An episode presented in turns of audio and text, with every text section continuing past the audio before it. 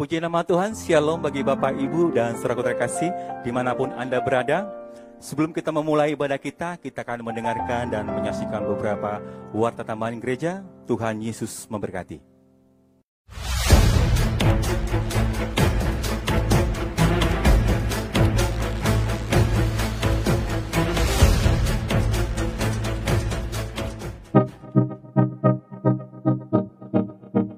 Shalom.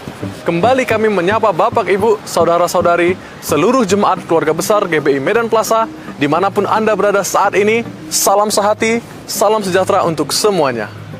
Bapak, Ibu, Saudara-saudari yang kami kasihi, walaupun untuk sementara waktu ini kita tidak bisa bertemu, namun dengan tidak mengurangi hadirat Tuhan, kita tetap bisa beribadah secara online ataupun streaming di rumah kita masing-masing. Kita dapat bersama seluruh keluarga untuk memuji, menyembah, berdoa, dan merenungkan firman Tuhan. Besar harapan kami, semua kita tetap dapat mengikuti ibadah online ini dari awal sampai selesai doa berkat. Di kesempatan ini, kami informasikan jadwal streaming khusus ibadah kenaikan Tuhan Yesus tanggal 21 Mei 2020.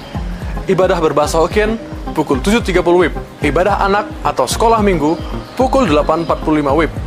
Ibadah berbahasa Indonesia pukul 9.30 WIB. Battle English Service pukul 11 WIB. Ibadah berbahasa Batak pukul 13 WIB. Dan ibadah Next Gen pukul 18.30 WIB. Dan berikut ibadah sepekan dan ibadah raya di hari Minggu. Bapak Ibu, mohon dicatat tanggal dan waktunya. Bisa difoto atau di screen capture melalui HP yang Anda miliki. Boleh saat ini atau nanti setelah ibadah ini selesai. Ibadah-ibadah ini akan tayang pada jam-jam yang telah ditentukan dan tidak ada batasan waktu untuk kemudian apabila Bapak Ibu ingin menyaksikannya lagi. Di tengah kondisi COVID-19 yang sedang melanda kota dan bangsa kita, marilah kita tetap menjadi berkat dan tetap berbuah di masa sukar. Berikut, mari kita saksikan video bantuan sosial yang telah dilaksanakan oleh gereja dan juga family altar kita. Tetap berbuah sekalipun di masa sukar dan menjalani panggilan Tuhan untuk memperhatikan orang-orang yang berkekurangan, khususnya pada masa pandemi COVID-19 ini, gereja-gereja cabang yang ada di dalam dan luar kota Medan melanjutkan pelayanan sosial kepada masyarakat yang dilaksanakan dari tanggal 18 April sampai 4 Mei 2020 dengan pembagian sembako berupa beras, minyak goreng, telur, mie, bubuk teh, dan gula. Antara lain, GBI MMTC, GBI Antares, dan Pos PI Grand Menteng dengan pembagian 225 paket sembako kepada para anggota FA, para penarik becak, ojol, pedagang keliling, security kompleks, MMTC, dan masyarakat kurang mampu. GBI Sutoyo Tebing Tinggi bekerja sama dengan jaringan doa sekota melalui pembagian 50 paket sembako kepada jemaat yang kurang mampu, baik yang ada di kota Tebing Tinggi maupun yang ada di pos PI Dolok Masihol, serta beberapa pendeta yang ada di Tebing Tinggi.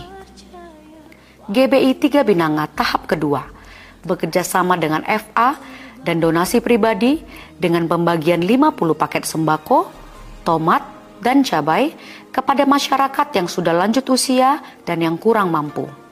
GBI Pangkalan Brandan dengan pembagian 34 paket sembako kepada jemaat dan pengerja yang terdampak COVID-19, keluarga yang kurang mampu di lingkungan gereja, dan kelompok FA.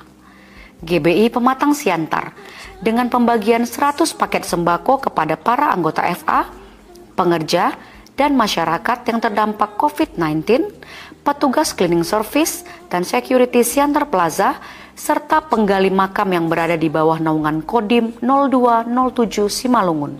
GBI Binjai dalam baksos tahap kedua dengan pembagian 20 paket sembako yang disalurkan kepada jemaat gereja yang kurang mampu. GBI Beras Tagi dalam baksos tahap kedua dengan pembagian 80 paket sembako, garam, dan bahan disinfektan kepada masyarakat dan kepala lingkungan di sekitar lingkungan gereja GBI Brastagi. GBI Raja Isa bekerja sama dengan BPDE GBI Kepulauan Riau dengan pembagian sembako kepada jemaat dan masyarakat di sekitar gereja. GBI Padang Sinempuan dalam baksos tahap kedua dengan pembagian sembako kepada jemaat dan masyarakat serta 15 paket makan malam berupa nasi bungkus, buah, biskuit, dan susu kepada para gelandangan. GBI Medan Timur dengan pembagian sembako kepada jemaat dan masyarakat sekitar gereja. Departemen Diakonia yang juga meresponi pesan gembala untuk tetap berbuah sekalipun di masa sukar, bekerja sama dengan Kecamatan Medan Selayang, memberikan pelayanan dengan pembagian 150 cup per hari, makanan takjil yang dimasak dan dikemas oleh ibu-ibu WBI, berupa bubur kacang hijau, kolak, bubur jagung, atau bubur sumsum, ditambah dengan kurma dan air mineral setiap sore dari hari Senin sampai dengan Jumat sepanjang bulan puasa yang diberikan kepada masyarakat Kecamatan Medan Selayang. Selain itu, Departemen Diakonia juga memberikan 33 paket sembako berupa beras, minyak goreng, dan gula kepada penerima bantuan. Dan bantuan dana berupa amplop kepada enam orang janda, 11 orang lansia, 44 orang anak penerima bantuan uang sekolah atau OTA, dan lima orang pasien rehabilitasi yang dirawat di Pondok Tren Kelly, Bukit Doa, dan Yayasan Pemenang Jiwa. Terima kasih kepada seluruh cabang gereja, donatur, pengerja, dan jemaat atas kebersamaannya dalam menggenapi panggilan Tuhan untuk menaruh belas kasihan kepada orang-orang lemah. Bersatu kita menjadi berkat bagi kota dan bangsa kita. Dalam masa kita banyak di rumah, mari ikuti seri pengajaran kisah Ayub selama 30 menit bersama Bapak Dr. Insinyur Jarod Wijanarko, MPDK. Setiap hari Selasa dan Rabu, pukul 18.30 WIB, ditayangkan secara premier di YouTube channel dan fanpage Facebook Keluarga Besar GBI Medan Plaza. Departemen Kom membuka kelas Kom 100 secara online melalui aplikasi Zoom. Mari Bapak Ibu daftarkan diri Anda kepada Ibu Siti Surbakti di nomor berikut ini. Kelas Kom ini gratis dan terbuka untuk umum kami sampaikan bahwa pelayanan doa, pastoral, konseling, atau informasi seputar pelayanan tetap ada 24 jam dan kami siap melayani Bapak Ibu dengan menghubungi call center gereja di nomor telepon 0811 615 8889 atau 0811 617 1122. Untuk informasi selengkapnya dapat juga diakses dari akun keluarga besar GBI Medan Plaza di media sosial seperti Facebook dan Instagram.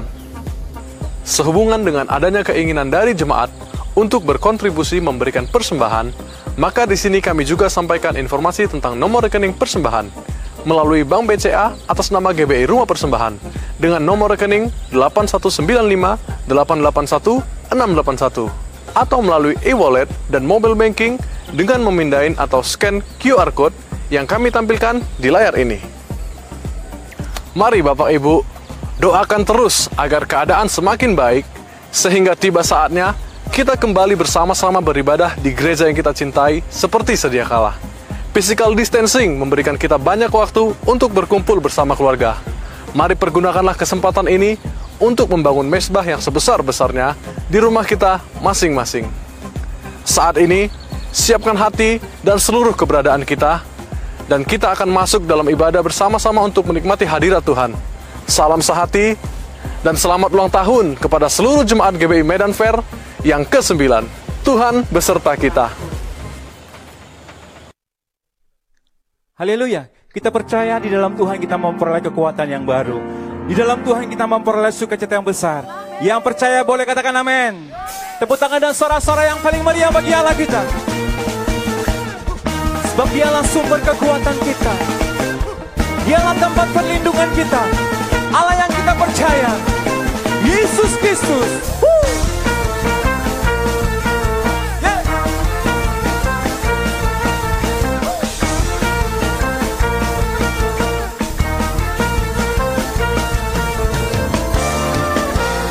Mari dengan iman kita angkat pujian ini katakan Kau gunung batuku dan kau kota bentengku tahan Kau menjamin hidupku. Lebih lagi katakan Kau keselamatanku dan kau yang membela ku tahanku Ada kuasamu di dalam hidup kami ya Tuhan Yesus. Walau badai menerpa di dalam hidupku ini. Namun tanganmu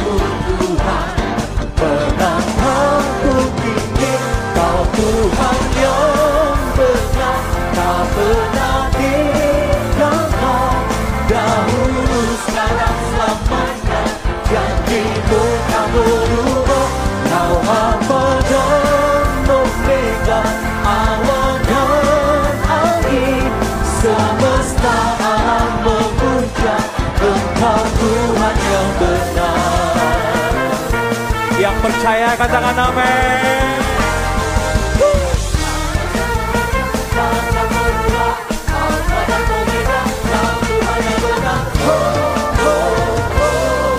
Mari yang wanita saja katakan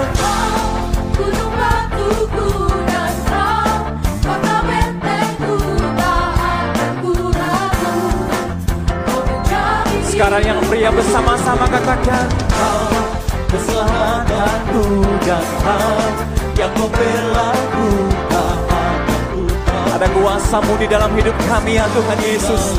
Mari semuanya katakan Kau dalam hidupku ini. Tanganmu yang kuat yang menopang setiap kami ya Tuhan Yesus. Mari semuanya. Tuhan yang benar Tak pernah tinggalkan Dahulu sekarang selamanya Janjimu tak berubah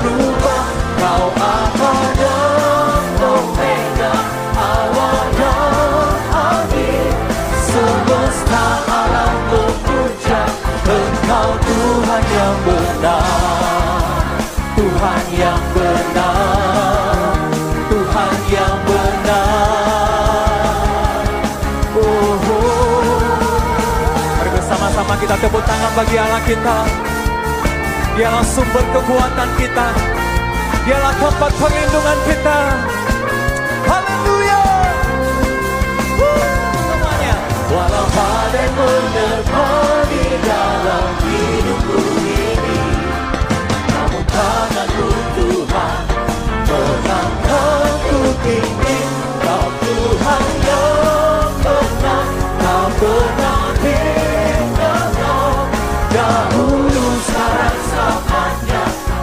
Janjimu tak Kau Alfa dan Omega Awal dan akhir Semesta alam memuja Engkau Tuhan yang benar Semesta alam memuja Semesta alam memuja Semesta alam memuja Engkau Tuhan yang benar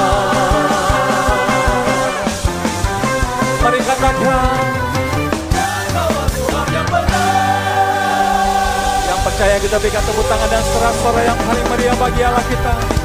Terima kasih Tuhan. Kami bersyukur buat kasih dan setiamu dalam hidup kami ya Tuhan. Engkaulah sumber pertolongan kami. Engkaulah tempat perlindungan kami. Allah yang kami percaya. Terima kasih ya Tuhan Yesus. Haleluya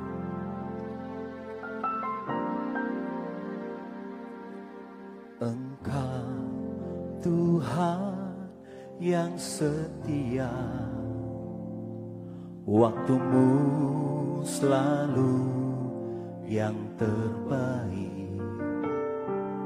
Engkau Tuhan sandaranku Dan ku hanya kan berharap padamu Mari dari awal kita angkat pujian ini dengan segenap hati katakan Engkau Tuhan yang setia Waktumu selalu yang terbaik. Engkau Tuhan sandaranku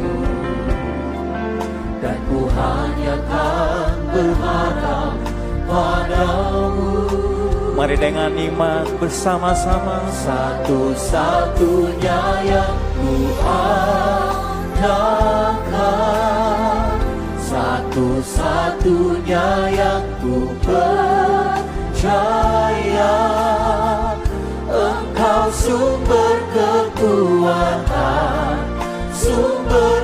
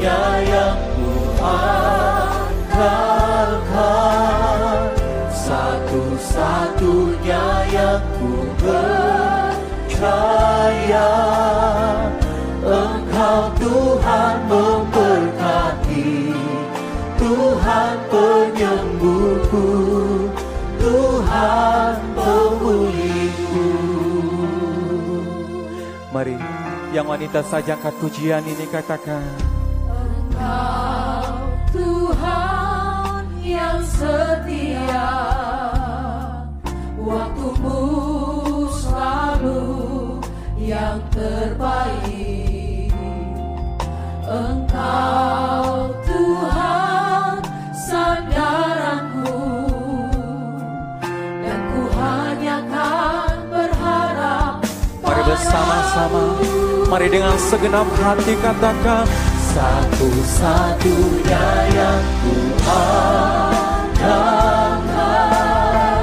Satu-satunya yang ku percaya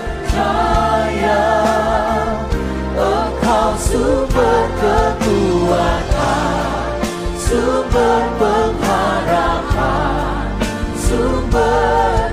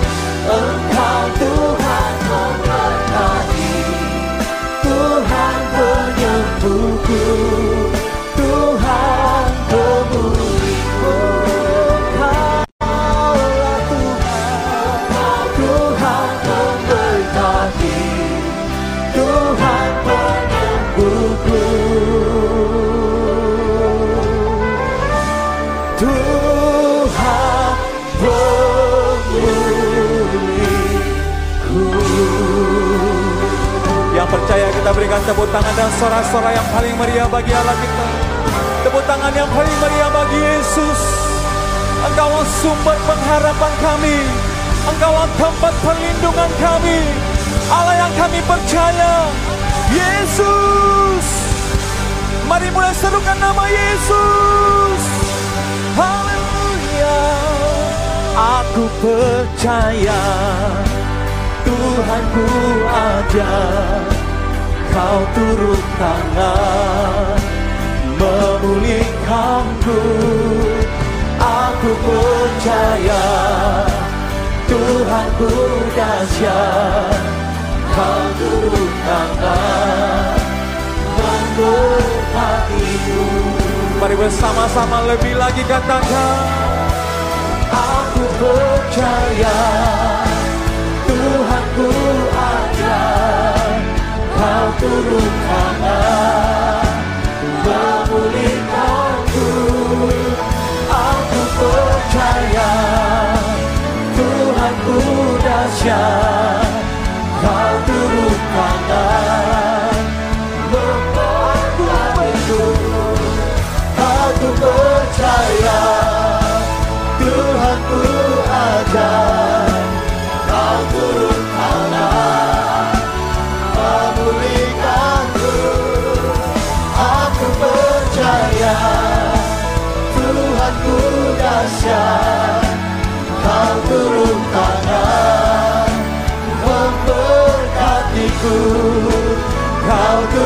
tangan.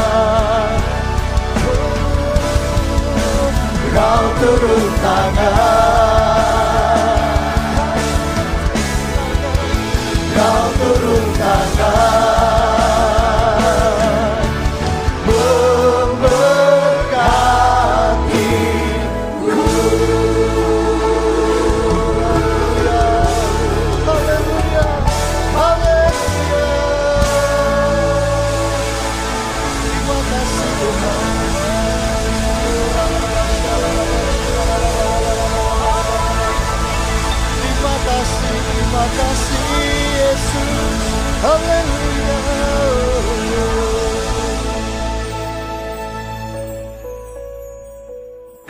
percaya Tuhan, hanya Engkau Tuhan, satu-satunya tempat perlindungan kami. Engkau Tuhan tempat perteduhan kami Tuhan. Hanya padamu pertolongan kami Tuhan. Kami percaya Tuhan Kau tidak pernah meninggalkan dan membiarkan kami. Di mana pun kami berada Tuhan. Di keadaan apa pun yang sedang kami alami. Engkau Tuhan tempat perlindungan kami. Maka kami percaya Engkau akan menjaga setiap umatmu. Engkau akan menjaga setiap orang-orang yang mengasihimu ya Tuhan. Terima kasih Tuhan, terima kasih. Rabata. Terima kasih Tuhan, terima kasih. Haleluya. Oh. Terima kasih Tuhan, terima kasih. Pada saat ini Tuhan kami percaya Engkau tetap bersama-sama dengan kami. Engkau bersama-sama dengan setiap orang-orang yang sedang berdoa dan berseru kepadamu. Orang-orang yang mengalami kesulitan Tuhan. Kami, kami percaya juga Tuhan, Engkau Tuhan yang ada di tengah-tengah daripada negeri kami Indonesia Tuhan. Sehingga kami percaya Indonesia akan dipulihkan, Indonesia akan disembuhkan ya Tuhan. Indonesia akan damai, Indonesia akan penuh dengan kemuliaan Tuhan. Terima kasih Tuhan, terima kasih. Kami bersyukur Tuhan, jikalau kami masih bisa memuji menyembah Engkau. Semua karena anugerah-Mu ya Tuhan. Saat ini Tuhan, kami rindu Tuhan melakukan bagian yang terbaik seperti yang dilakukan oleh Maria, yaitu kami ingin duduk diam dan bersandar padamu Tuhan, mendengarkan suara hatimu, mendengarkan isi hatimu ya Tuhan. Allah Roh Kudus urapi setiap orang-orang yang sedang mendengarkan ibadah ini ya Tuhan. Sehingga setiap kami Tuhan, seperti yang kau katakan firmanmu, akan menjadi terang bagi jalan kami. Akan menjadi pelita bagi kami Tuhan. Yang menerangi langkah-langkah kaki kami ya Tuhan. Sehingga Tuhan, langkah-langkah kami menuju hari di depan kami Tuhan. Langkah yang disertai oleh Tuhan. Ada kemurahan kebajikan Tuhan. Terima kasih Tuhan, terima kasih. Sekali lagi Tuhan, Allah Roh Kudus urapi setiap kami, urapi umatmu, sehingga kami mengerti dan kami peroleh hati yang bijaksana. Terima kasih Tuhan. Segala pujian, hormat, kemuliaan hanya bagimu. Di dalam nama Tuhan Yesus, kami siap mendengarkan firman-Mu. Haleluya. Amin. Shalom semua pemirsa, semua jemaat yang mendengarkan khotbah pada saat ini. Maka saya percaya saat-saat ini kita sedang mengalami yang namanya kita bergumul dengan situasi di sekitaran kita, yaitu ada virus corona yang menyebabkan juga maka banyak orang kehilangan pekerjaan, banyak orang juga eh, keadaan perekonomiannya semakin hari semakin sulit. Tapi firman Tuhan katakan bahwa dialah Allah, Bapa kita yang baik, yang tidak pernah meninggalkan dan membiarkan kita. Dia Bapa yang selalu menjaga kehidupan kita. Jangan khawatir seperti yang dicatat di Matius 6. Jangan khawatir akan hari hari esok. Karena hari esok adalah milik Tuhan. Ulangan 29 ayat 29 berkata, yang tersembunyi adalah bagi Allah. Artinya hari esok itu adalah milik Tuhan. Yang bisa kita lakukan adalah kita tetap bersama-sama Tuhan. Sehingga hari esok kita ada jaminan bagi kita semua yang berjalan bersama dengan Tuhan. Sehingga kita tidak mengalami kesulitan. Tuhan akan membawa kita melalui hari-hari esok kita. Dan saya percaya firman Tuhan katakan juga semua yang dicari bangsa-bangsa yang tidak mengenal Tuhan disediakan oleh Bapa kita yang baik, Bapa kita yang di surga. Yang percaya katakan amin. Bapak Ibu, Saudara yang dikasihi Tuhan, pada saat ini saya ingin menyampaikan firman Tuhan yang ada di di 2 Raja-Raja 6 ayat 15 sampai ke 17. Sebelumnya saya ingin menceritakan bahwa firman Tuhan yang saya dapatkan ada bercerita tentang bahwa ada seorang nabi yang bernama Elisa. Dia sedang mau ditangkap oleh Raja Aram. Ketika itu Raja Aram hendak menyerang Israel dan semua semua rencana-rencana Raja Aram gagal untuk menghadapi uh, Israel, Raja Israel. Karena ada Nabi Elisa yang menceritakan nubuatan-nubuatannya kepada Raja Israel. Sehingga Raja Aram mengirimkan pasukannya yang besar dengan tentara dan kuda, kereta yang besar, yang sangat luar biasa dan di, dan kalau kita renungkan maka itu akan membuat raja eh, membuat Nabi Elisa tidak akan mungkin lolos lagi. Maka Elisa pasti akan ditangkap. Dan pada saat Raja Aram mengirim pasukannya mengepung kediaman daripada Elisa, maka dicatat di dua Raja-Raja 6 ayat 15, ketika pelayan abadi Allah bangun pagi-pagi dan pergi keluar, maka tampaklah suatu tentara dengan kuda dan kereta ada di sekeliling kota itu. Lalu berkatalah bujang itu kepadanya, celaka Tuanku, apakah yang akan kita perbuat? Ini yang akan saya sampaikan. Di saat-saat kita, saat-saat orang-orang sedang memikirkan hari esok, memikirkan bagaimana dengan sakitnya, bagaimana dengan usahanya besok, bagaimana dengan keluarganya, bagaimana dengan bisnisnya. Maka orang bertanya, apakah yang harus kita perbuat? Apakah yang harus kita perbuat? Banyak sekali pertanyaan mungkin kita sendiri juga sedang bertanya-tanya. Apakah yang harus kita perbuat? Bapak Ibu, saudara dikasihi Tuhan. Jangan khawatir. Firman Tuhan adalah pelita bagi kita dan terang bagi kita. Sehingga kita bisa melihat jalan-jalan di depan kita. Mari kita lihat firman Tuhan di 2 Raja-Raja dan 16. Maka yang pertama Elisa menjawab. Yang pertama dilakukan adalah jangan takut. Jangan takut. Ketakutan akan membuat kita kehilangan potensi. Ketakutan membuat kita kehilangan kemampuan. Ketakutan akan membuat kita stres. Sehingga kalau sedang kita sedang menghadapi yang namanya corona, maka ketakutan itu akan membuat imun seseorang menjadi lemah dan virus itu akan dengan gampang menyerang kita. Maka yang pertama jangan takut. Jangan takut akan usahamu. Jangan takut. Karena yang beserta dengan kita lebih banyak daripada yang menyertai mereka. Yang artinya jangan takut tapi miliki iman. 1 Yohanes 5 ayat 4 mencatat bahwa iman adalah kekuatan, kemenangan yang diberikan Tuhan bagi kita. Oleh sebab itu kita harus memiliki iman. Jangan sampai kita tidak memiliki iman.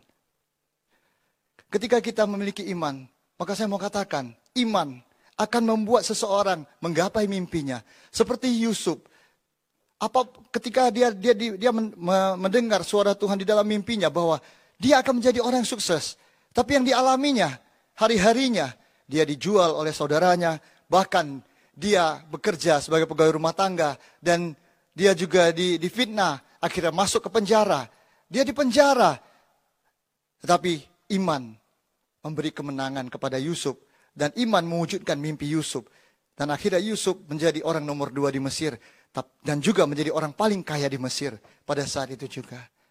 Iman tidak hanya bisa mewujudkan mimpi, tapi iman juga bisa membelah laut seperti yang dilakukan oleh Musa dengan umat Israel ketika mereka dikepung, di, di, dikejar oleh tentara Firaun. Di depan ada laut Tebrau. Sepertinya tidak ada jalan, tapi saya mau katakan, Tuhan akan memberi jalan saat tidak ada jalan. Saat kita memiliki iman.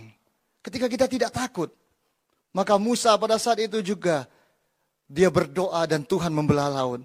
Akhirnya ada jalan bagi setiap umat Tuhan dan memberi kemenangan kepada setiap kita. Iman juga akan bisa menghentikan matahari dan bulan seperti yang dilakukan oleh Yosua. Joshua ketika berperang dia berdoa kepada Tuhan sehingga matahari berhenti selama satu hari. Bapak Ibu Saudara dikasihi Tuhan, jangan khawatir, jangan takut, tapi miliki iman sehingga Anda bisa mengalahkan dunia, mengalahkan kesulitan hidup Anda, mengalahkan ketakutan Anda. Iman akan mengalahkan ketakutan Anda dan iman akan membawa Anda kepada keberhasilan demi keberhasilan hidup Anda. Saudara yang dikasihi Tuhan, kalau kita membaca dan merenungkan tadi uh, abdi Allahnya berkata celaka kita, apa yang harus kita perbuat? Tetapi Elisa berkata jangan takut. Ya, sebab yang, le yang lebih banyak menyertai kita daripada yang menyertai mereka. Ada dua perbedaan. Ini terjadi juga kepada 12 orang pengintai yang dikirim oleh Tuhan, eh, dikirim oleh Musa, sorry, dikirim oleh Musa pada saat itu untuk mengintai tanah Kanaan. Sepuluh orang pengintai pulang dan berkata bahwa tanah Kanaan baik, tetapi di sana ada orang-orang raksasa. Jika kita masuk, kita habis. Kita tidak akan bisa masuk ke tanah Kanaan. Akibat daripada sepuluh orang yang tidak memiliki iman, maka satu generasi daripada umat Israel yang mencela, yang menghujat Tuhan, akhirnya mereka tidak bisa masuk tanah Kanaan. Berbeda dengan dua orang, yaitu Joshua dan Kaleb.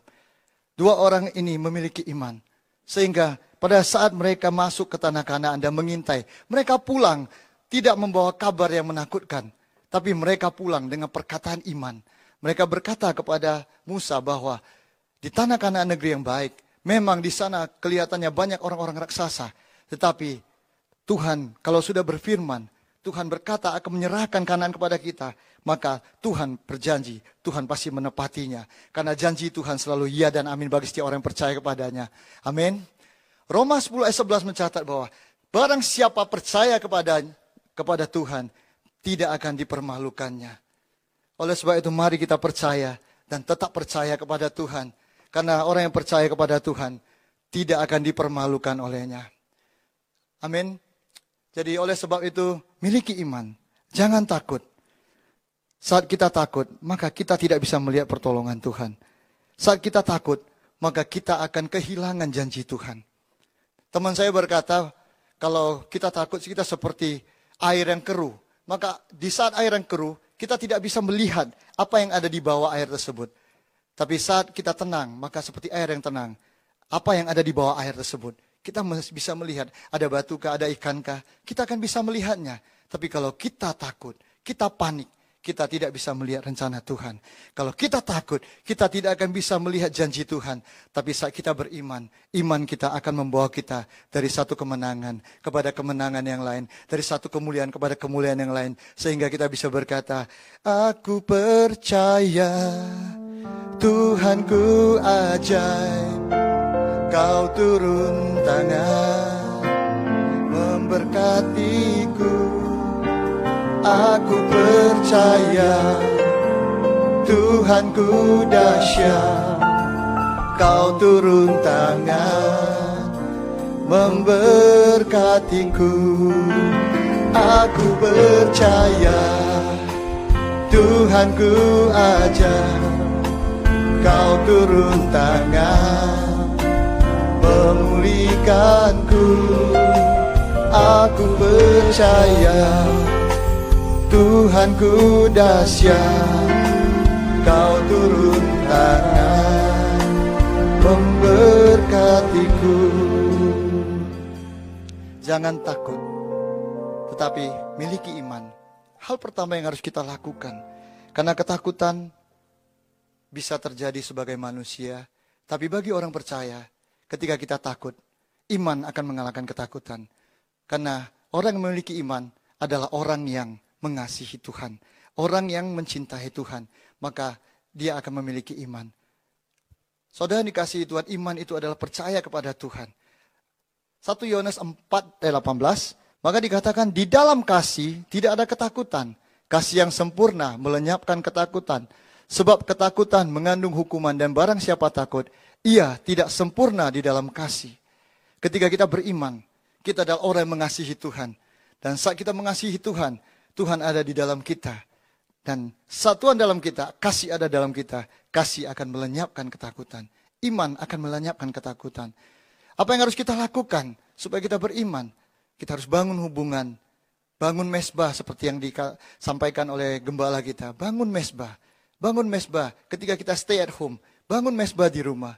Sehingga bersama-sama dengan anak, istri, dan keluarga kita, kita bisa selalu menyembah, kita bisa bangun mesbah, sehingga pada saat kita bangun mesbah, Tuhan turun, Tuhan hadir, dan Tuhan memberkati kita, Tuhan melindungi kita. Karena saat Tuhan hadir, kasihnya memenuhi hidup kita. Saat kasih Tuhan memenuhi hidup kita, maka kita adalah orang yang beriman, dan kasih akan melenyapkan ketakutan. Sehingga setiap rumah tangga kita akan dipenuhi dengan iman. Dan kita tidak lagi takut akan apa yang kita dengar melalui YouTube, melalui IG, melalui Facebook, bahwa ada yang mati, ada yang kena corona dan berbagai ketakutan tentang perekonomian masa depan, tentang apa yang akan terjadi kalau corona berlangsung terus.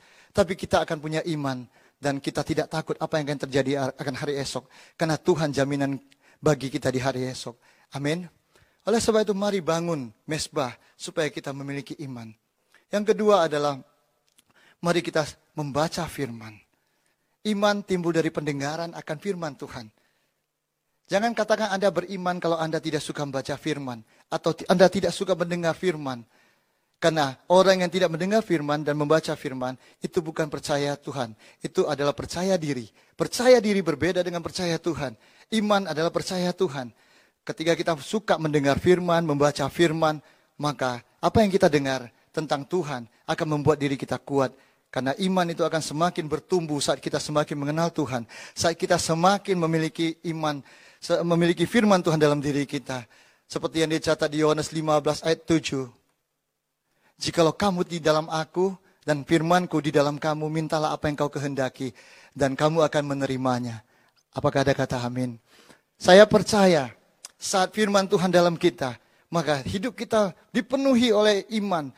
Dipen, iman kita akan bertumbuh karena firman Tuhan yang memenuhi hidup kita. Dan firman Tuhan katakan, saat kita ber, kita minta, maka kita dapatkan apa yang kita kehendaki.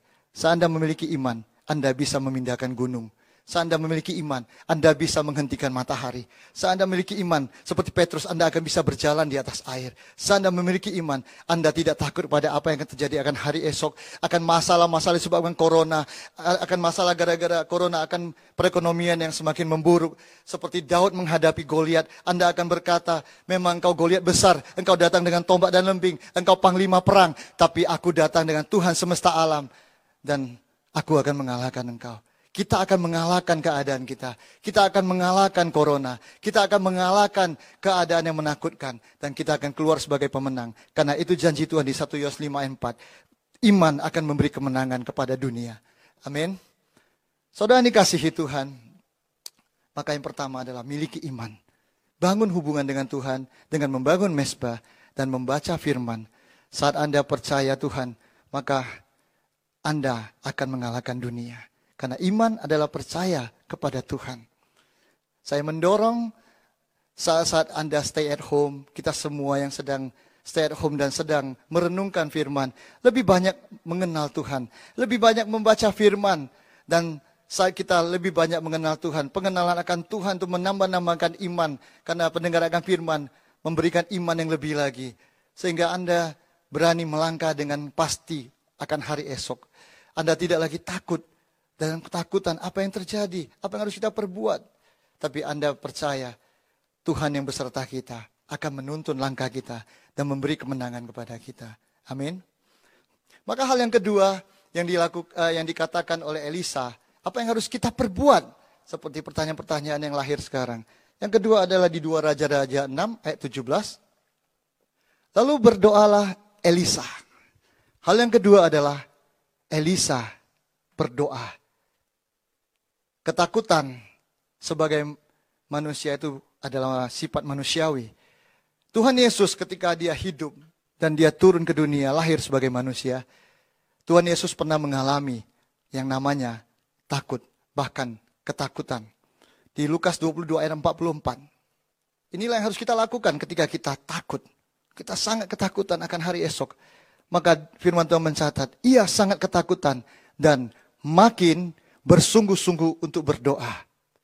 Ketika kita semakin takut, mari semakin bersungguh-sungguh berdoa. Saat kita memiliki iman dan kita bersungguh-sungguh berdoa, maka Yakobus 5 ayat 16 mencatat bahwa doa orang benar bila didoakan dengan sungguh-sungguh, maka sangat besar kuasanya. Saat ini, mari kita bangun hubungan dengan Tuhan, baca firman, dan saat ada ketakutan mulai datang, berdoa dengan iman, berdoa dengan sungguh-sungguh. Karena firman Tuhan katakan, doa orang yang benar, bila dengan yakin didoakan, akan sangat besar kuasanya. Sehingga kita bisa berkata, Aku percaya Tuhanku ajaib, kau turun tangan, memulihkanku. Aku percaya Tuhanku dahsyat, kau turun tangan, memberkatiku.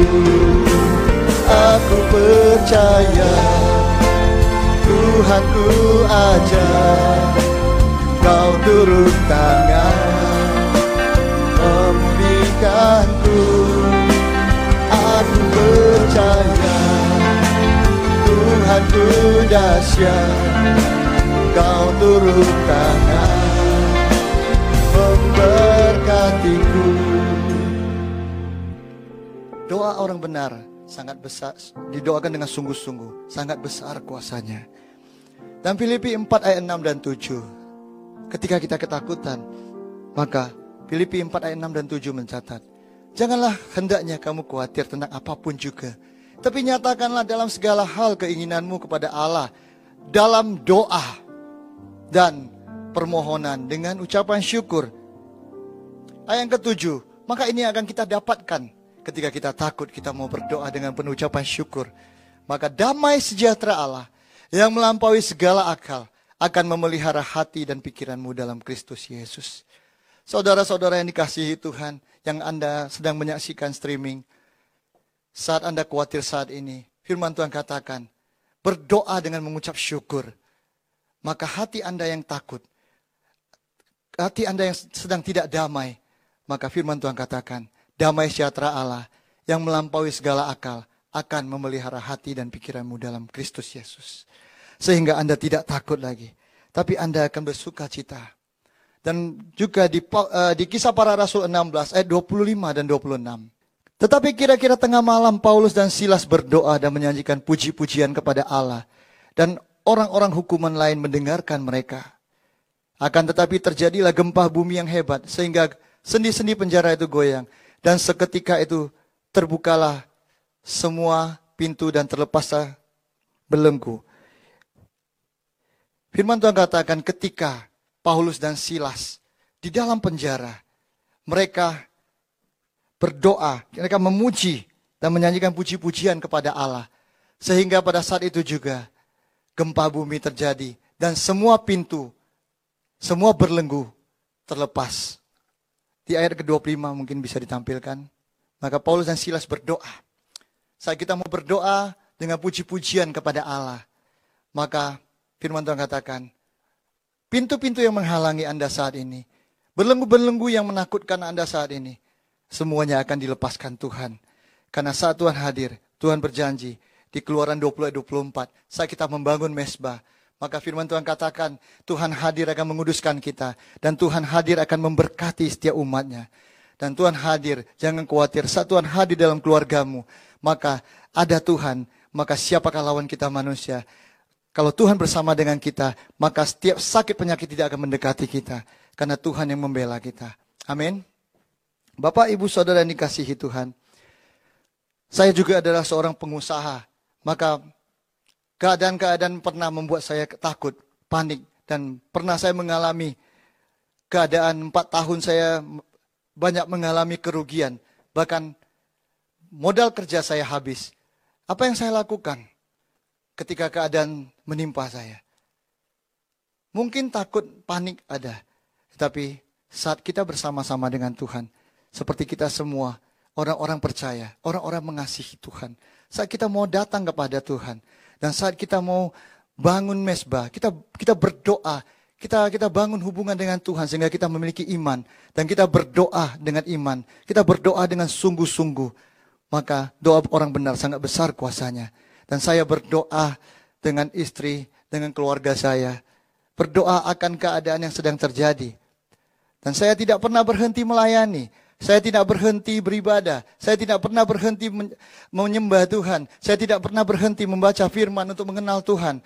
Karena walaupun keadaannya bukan satu hari, bukan empat hari, tapi empat tahun keadaan saya tidak mengalami perubahan, saya tetap percaya kepada Tuhan. Saya tetap berharap dan saya tetap berdoa bersama dengan keluarga. Bahkan di, di akhir daripada uh, di, di, di keadaan tersebut, anak saya berkata kepada saya, dia mau sekolah ke luar negeri. Dia mau sekolah di di luar negeri di Inggris dan pada saat itu dia SMA 3 dan dia berkata kepada saya, saya tidak mau mematahkan semangat anak saya. Saya mengajak dia, ayo kita berdoa. Saya dalam keadaan sekarang saya tidak mampu, tapi kita punya Bapa yang baik, Bapa yang di surga, Bapa yang selalu menyediakan. Dialah Jehovah Jireh bagi kita semua. Dia akan menyediakan bagi kita. Maka saya katakan kamu ujian, kamu belajar sungguh-sungguh, berdoa sungguh-sungguh. Dan kalau Bapa kita menyertai kita, kalau Bapa atau Tuhan kita berkenan kepada kita, maka semuanya itu akan terjadi. Engkau bisa belajar di luar negeri.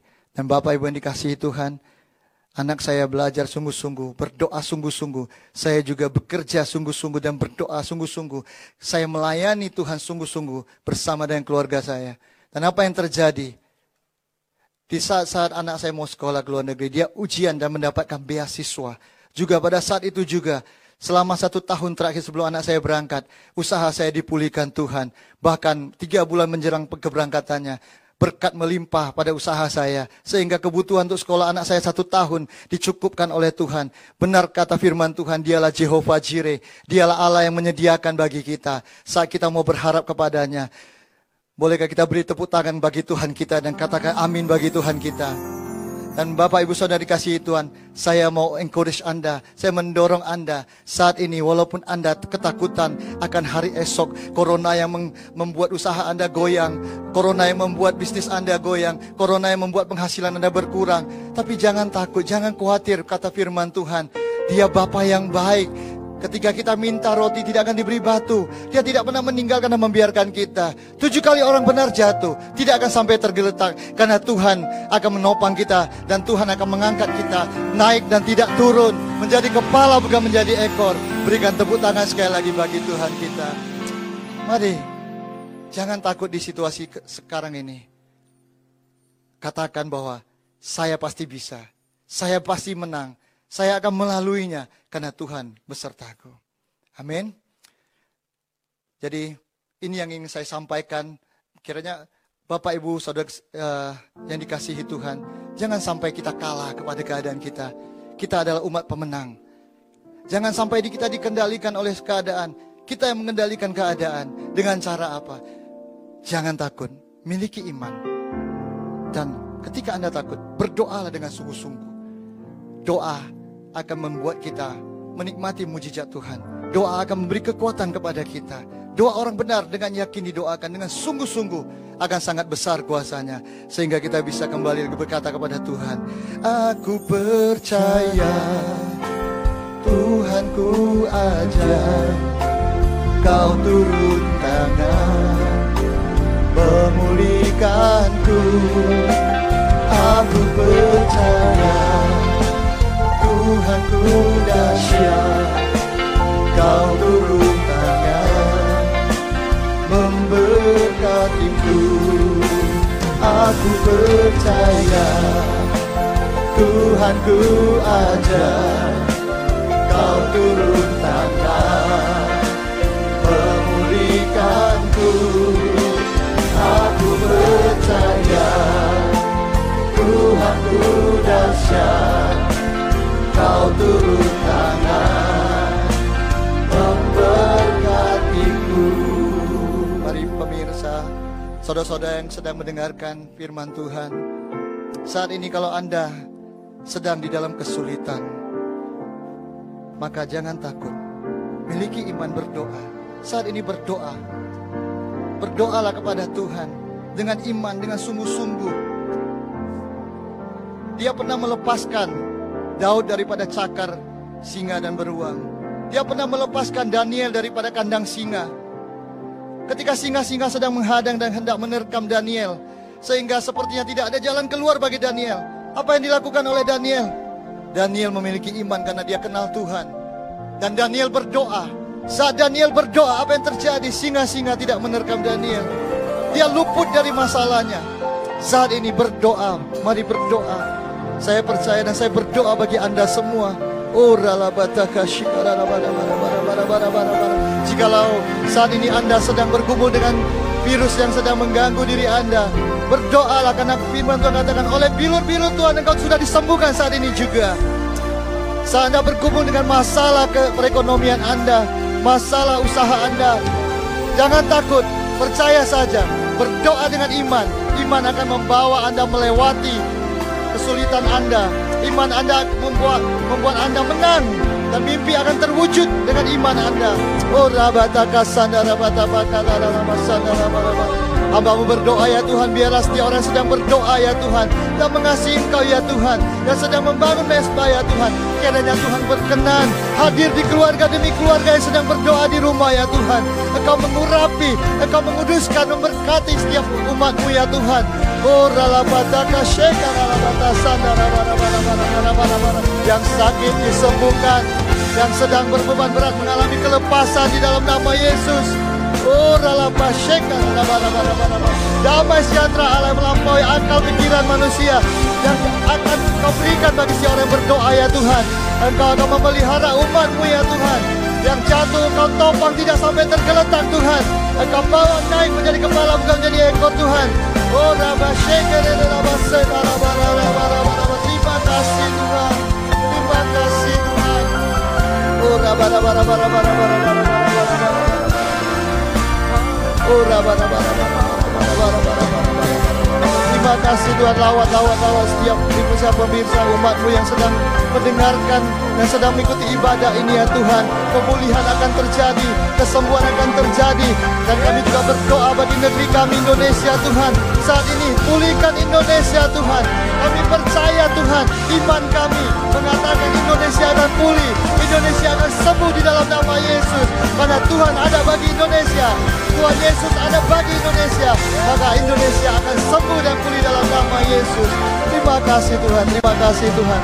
Terima kasih Tuhan dan saat ini mari arahkan hati hatimu dan buka kedua tanganmu terimalah anugerah berkat dan damai sejahtera dari Allah Bapa cinta kasih daripada Tuhan Yesus dan persekutuan yang manis daripada Roh Kudus yang akan menyertai, yang membawa Anda menang, membawa Anda berhasil dari hari ini sampai Maranatha, bahkan sampai selama-lamanya. Mari yang percaya diberkati bersama-sama katakan, Amin. Tuhan Yesus memberkati.